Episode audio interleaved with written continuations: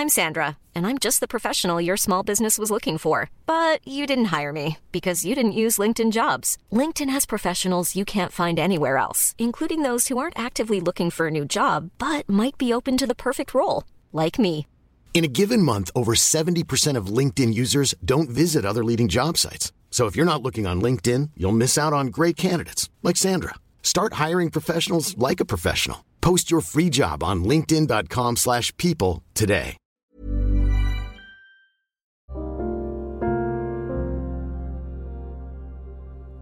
Hai, selamat datang di podcast Love Lavina. Di sini, aku akan berbagi pikiran, tips, dan cerita aku untuk nemenin kamu.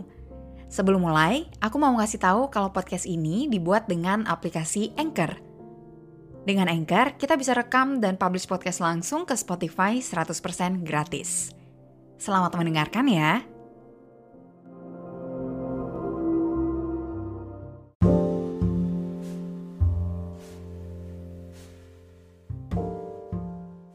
Cara terbaik membandingkan diri dengan orang lain. Aku yakin kamu pasti udah sering dengar, jangan bandingin diri sama orang lain.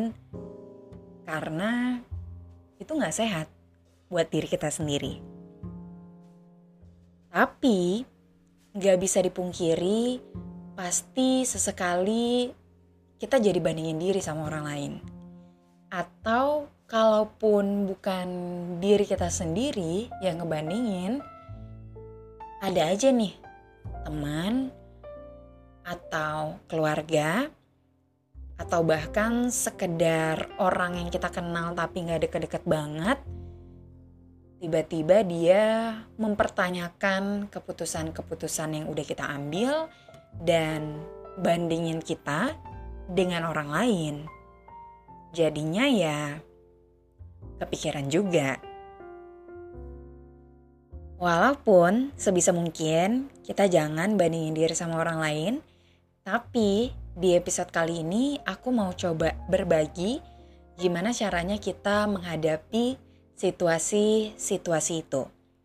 Situasi di mana kita dibandingin sama orang lain dan situasi di mana kita sendiri nih yang membandingkan diri dengan orang lain. Oke, situasi yang pertama ketika orang lain nih yang membandingin kita dengan orang lain. Misalnya ditanya, kuliah di mana? Terus kita jawab, ehm, jurusan akuntansi misalnya. Terus dia bilang, oh kenapa nggak ngambil teknik aja? Si itu loh ngambil teknik, terus sekarang udah jadi apa gitu misalnya. Atau contoh lain mungkin kalau yang udah kerja ya. Ditanyain, kerja di mana sekarang? Terus jawab deh di mana. Lalu ditanyain lagi kan, oh swasta, kenapa nggak coba PNS? Kenapa nggak coba BUMN? Kenapa nggak lanjut S2 gitu kan. Nah, yang kayak gitu tuh pasti kamu juga sering lah.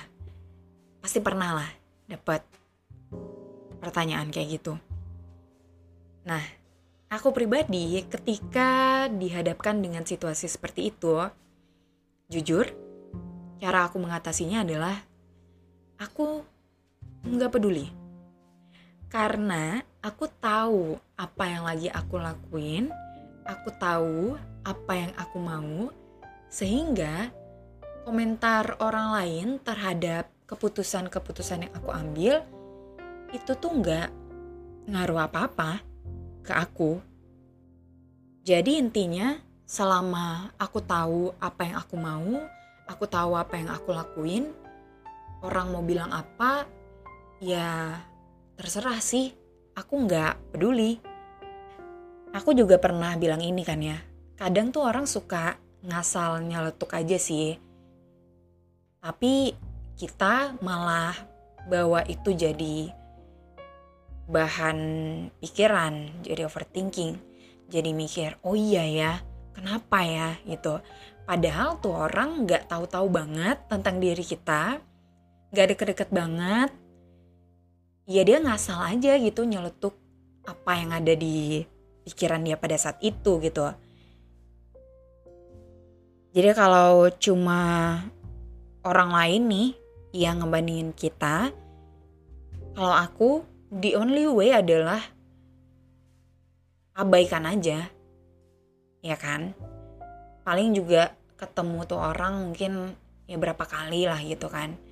Gak ngaruh banget apa yang dia bilang ke kehidupannya aku jadi ya udah biarin aja emang kita tuh harus kadang-kadang ya harus bodoh amat lah sama apa yang orang bilang apalagi kalau orang itu gak tahu-tahu banget tentang diri kita dan kita juga lagi nggak minta pendapatnya dia. Jadi kalau di situasi itu ya udah abaikan aja. Oke? Okay? Situasi kedua, ketika diri kita nih yang ngebandingin diri sama orang lain. Apalagi di sosmed ya, duh gampang banget ngeliat kesuksesan orang lain, gampang banget kita iri sama yang orang-orang lain tunjukin di sosial media. Bener nggak? Jujur kalau aku, iya banget. Beberapa kali aku iri sama orang lain karena ngelihat, wow, ini orang keren banget. Kok bisa? Pengen juga kayak orang ini gitu kan Apalagi kalau buka LinkedIn, aduh banyak banget bahan buat banding-bandingin diri sama orang lain. Nah, aku ngeliat ini nggak sepenuhnya buruk. Karena ketika kita bandingin diri sama orang lain, ketika kita iri sama orang lain, artinya kan kita pengen apa yang dia punya. Kita pengen punya pencapaian seperti yang udah orang ini dapetin. Poin bagus di sini adalah berarti kita tuh tahu kita tuh pengennya apa. Misalnya, kamu tuh iri ngeliat ada orang yang dapat beasiswa. Oke, kamu jadi tahu kalau kamu tuh pengen dapat beasiswa, gitu kan? Nah, setelah itu apa? akan menjadi buruk ketika kita hanya menyimpan keirian hati itu di dalam hati aja dan kita cuman ya udah nggak take action apa pun dari keirian hati kita ini. Yang aku lakukan ketika aku kagum nih sama orang ini, penasaran dengan gimana caranya biar dia bisa dapetin hal itu. Yang aku lakukan adalah I approach them. Aku literally menghubungi mereka. Aku DM atau aku kirim email. Ya udah, di situ aku perkenalan diri. Aku bilang kenapa aku hubungin dia karena aku tertarik banget sama suatu hal yang lagi dia kerjain. Misalnya aku tertarik sama profesi dia gitu dan aku pengen tahu lebih banyak tentang profesi itu.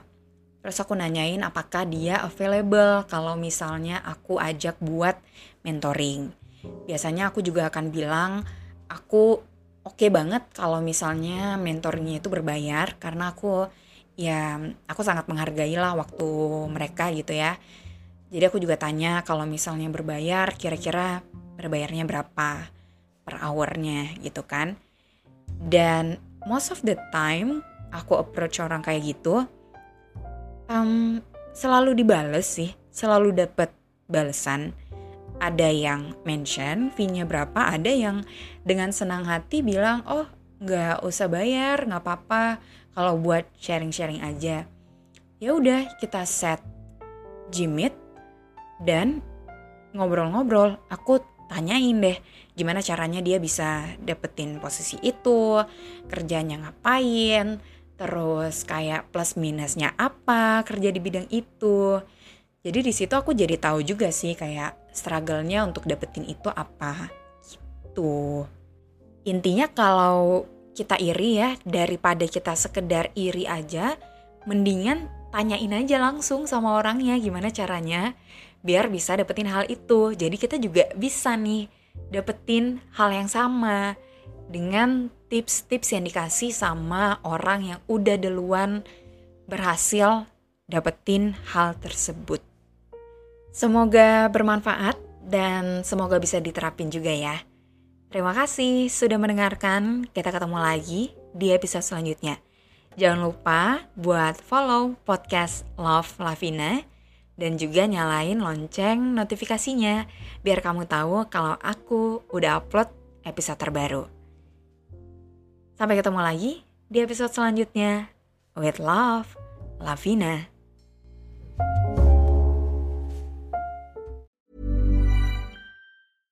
Imagine the softest sheets you've ever felt. Now imagine them getting even softer over time. That's what you'll feel with Bowl and Branch's organic cotton sheets. In a recent customer survey, 96% replied that Bowl and Branch sheets get softer with every wash. Start getting your best night's sleep in these sheets that get softer and softer for years to come. Try their sheets with a 30-night guarantee. Plus, get 15% off your first order at bowlandbranch.com. Code BUTTERY. Exclusions apply. See site for details.